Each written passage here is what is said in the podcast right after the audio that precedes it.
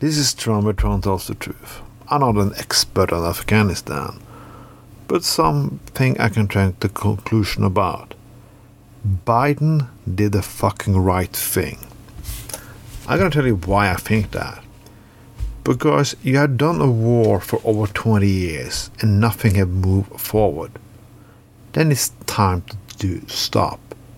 If you haven't been making a democracy and a stable nation in over fucking 20 years of being there, you haven't done the success. Yeah, we can say that Democrats did didn't get it to work there, but well, for the first eight years of that war, Bush Jr. sort of fucked it up. And so Obama did nothing less. And so Trump came, and now Biden just fuck this shit. You can't change it. Not many people forget it. before this shit show started, the Russians tried to do the same. And they didn't make it either. So, all the criticism comes against Biden now, it's not because all the shit and all the all bullshit that happened in Afghanistan. It's because America loses pride. And something is more hard for America is to lose pride. I think the more brave thing to do is just sometimes admit defeat. Because you do. You will get defeated. You cannot win it. You could win Vietnam and you cannot win Iraq. You cannot win those wars because nobody wants to have you there. That's the fucking only reason. Yeah. Biden had understand that. I don't say Biden is a peace person because he's not. He's same as Bush. He's same as all around the Republicans who done war and all Democrats who done war because everybody on both sides of the political aisle in the United States love wars just for different reasons. They have put people in cages for different reasons. They've done the drug war for different reasons.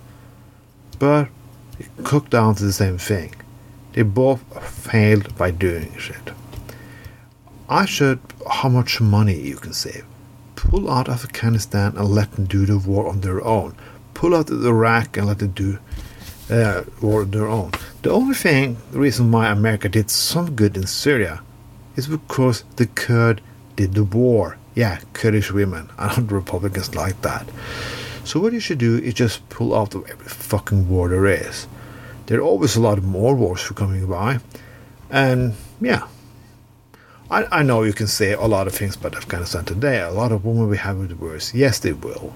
A lot of people maybe will die because of this. Yes, they will. But what you were going to do?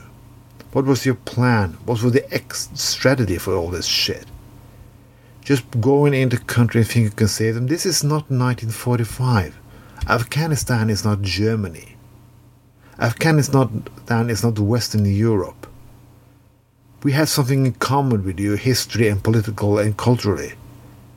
They don't. And they will never will. They had to find it out on their own. Yeah, it's hard, but that is the lesson we'll learn from this. I, I don't even want to mention all those billions of trillions of dollars you spent on that war. How much of your country, your own country, can you rebuild? Because that's what people look up to when they come to the United States. You Your ability to do rebuild and build your country, not your fuck-arounds all over the world. You should never gone into Afghanistan. Same reason you're never, never going to go into Iraq. Same reason you should never go into Vietnam. But nobody wants to admit that. They just want to see the loss as some somebody destroyed the glory of the United States, who is fucking bullshit. You're not good at wars. You're good at propaganda. This was and Trump tells the truth. Have a fucking nice day.